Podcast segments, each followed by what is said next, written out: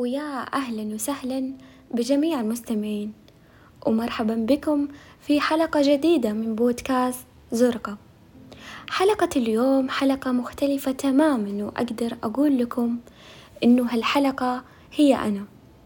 حلقة تعبيرية عن مفاهيم كثيرة بتخص الإنسان والفكر وجمال الإنسان بجمال فكره. وكالعادة نبدأ حلقتنا بتساؤل من تساؤلاتنا. هل سبق وقد صادفتم شخص مثقف؟ وواعي وكلامه هادئ وموزون. ولما بتجلس معاه وبتحاثوا بتجذبك طريقة كلامه بفلسفته الخاصة بمجالات اللي بيحبها. وقادر إنه بيسرق منك كل الوقت من غير ما بتحس إنه الوقت بيروح بسرعة. تحسه كأنه الزمن توقف. توقف عند هاللحظة. وحتى إنه هالتوقف يكون بلا ملل. أنت مستمتع وأنت بتسمعه.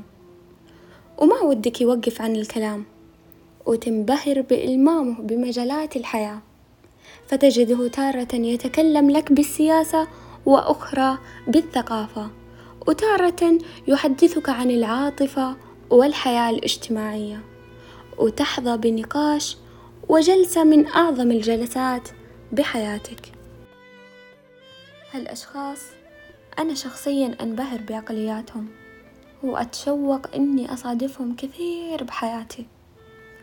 الشخصيات الفلسفية والعقول المليئة والكثيفة بالمعرفة فيني طاقة هائلة لمعرفتهم. وبالمقابل هنا أحيانا تلتقي بشخص بحياتك يكون جذاب من بعيد وتنبهر فيه بشكله فقط. ومنظره بيعطيك ويوحي لك إنه شخص مثقف ومعرفي.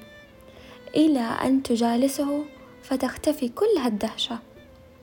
لأن العقل فارغ ومليء بالسذاجات والتفاهات حتى أنك تتحول من شخص يتوق للحديث معه إلى شخص يهرب بعيدا عنه. لذلك أنا دائما بقول المجد دائما للوسامة العقلية. بغض النظر كنت ذكر أم أنثى. وعيك ومعرفتك وثقافتك وجمال روحك وعقلك ترى أهم بكثير من جمالك الخارجي. وأيضا من المقولات اللي دائما برددها على نفسي النفسي إن الله خلقنا وأحسن تصويرنا.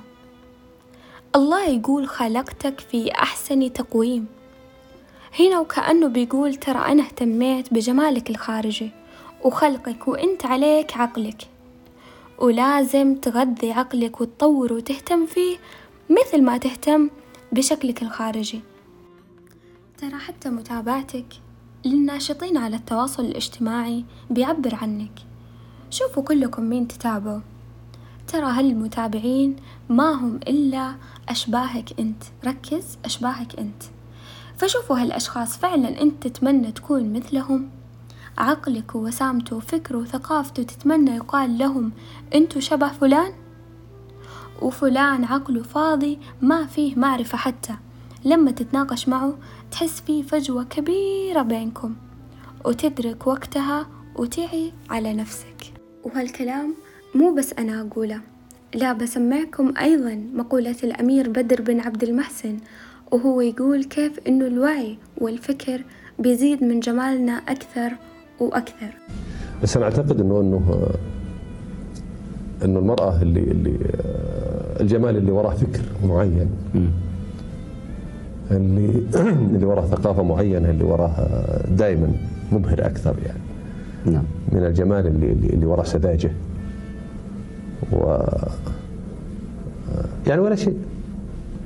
الحقيقة يعني. يعني حتى أنا أعتقد إنه إنه إنه جمال الفكر أهم كثير من جمال من الجمال ال- ال- هذا أنا ما ودي يعني أعطي هذا الانطباع إنه أنا شخصيا لا أقدر الجمال اللي اللي الله خلقه سبحانه وتعالى يعني. تفاصيل الملامح. أنا أعتقد إنه أهمية كبرى يعني لكن بحد ذاته يعني آه، كان بدون جوفاء يعني ما بدون هالجمال اللي اللي اللي داخل اللي داخل رأس المرأة آه، ما أعتقد إنه كافي يعني. وترى النقاش مع شخص واعي فيه متعة كبيرة وراحة عظيمة. حتى وإن تخالفت آراءكم بيفتح لك آفاق جديدة ومعارف بأمور أنت تجهلها. وعمرك لا تدعي المعرفة. انتبه ونصيحة مننا لا تدعي المعرفة. لأنك مهما وصلت لمرحلة من المعرفة تظل جاهلا. اللي يجي ويقول لك أنا أعرف وأنا أعلم. وأنا خبرة أكثر من هذا. تأكد إنه بيجهل الكثير الكثير وتذكروا إنه فوق كل عالم عليم. لذلك مهما وصلت لمكانة تأكد فيه أعلى منها. وحلو ترى إنك تشارك الناس أفكارك ومعتقداتك وتجلسون تتناقشون فيها ويكون للنقاش قيمة أكثر. إذا كان هالشخص واعي وملم بإبعاد الآراء ويعي تماما بأنه اختلاف الرأي لا يفسد للود قضية. ومرة قرأت كلام منشور لوحدة بمنصة بتقول صارحت صديقاتي بوحدة من أفكاري ومعتقداتي بأنه عادي لو واحدة مو صديقة لي وما بيننا الميانة وجات تكلمني وتطلب مني شي راح ألبيه وأسويه لها. وإنه هي نفس الشي برضو. لو أحتاجت شي بتروح لوحدة ما تعرفها كثير وتطلب منها. والصدمة إنهم هنا أخذوا عنها فكرة إنها مصلحجية. وما تذكروا حديث النبي يوم يقول إنه من مشى في قضاء حاجة أخيه كان خيرا له من اعتكافه بالمسجد عشر سنين.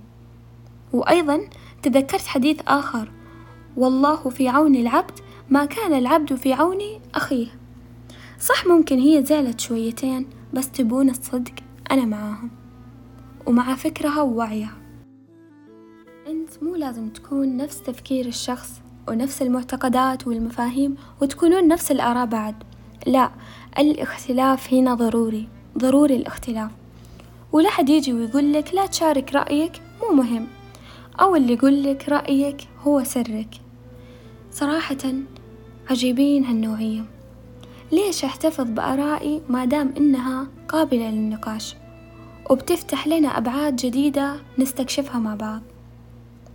اسمعوا خلوني أقول لكم في أشياء صح تنقال وفي العكس تماما. لذلك الخصوصية قوة. ليش قوة؟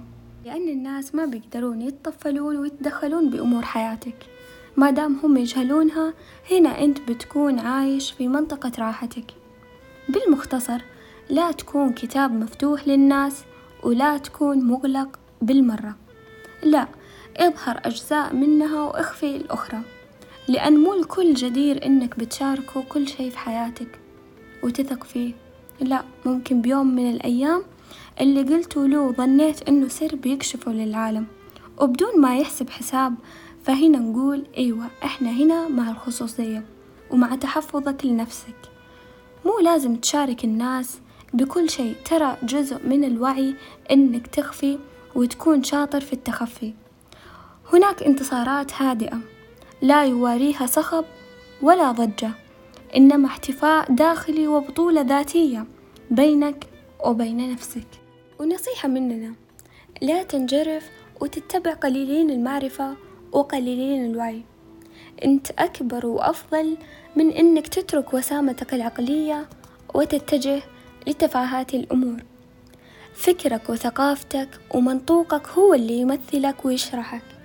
لا تهتم بشكلك الخارجي وتترك الداخلي. وأخيرا نختم هالحلقة بنصيحة من نصائح البدر. الفرق الوحيد اللي أنا أنصح فيه يعني أو أنه اعرف وينك.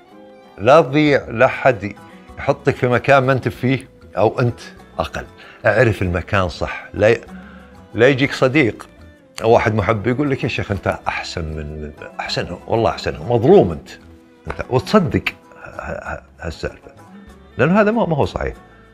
في نفس الوقت لا يجيك واحد ويقول لك إن أنت شعرك سيء جدا ولا ولا ولا, ولا صير في المكان. إذا ما عرفت مكانك لا لن تستطيع أن تتقدم. أعرف وين مكانك؟ وانتقل خطوة. واعرف وين هالخطوة؟ وانتقل إلى خطوة. والمسألة ما هي سهلة إنما ممكنة بكل بكل السبل.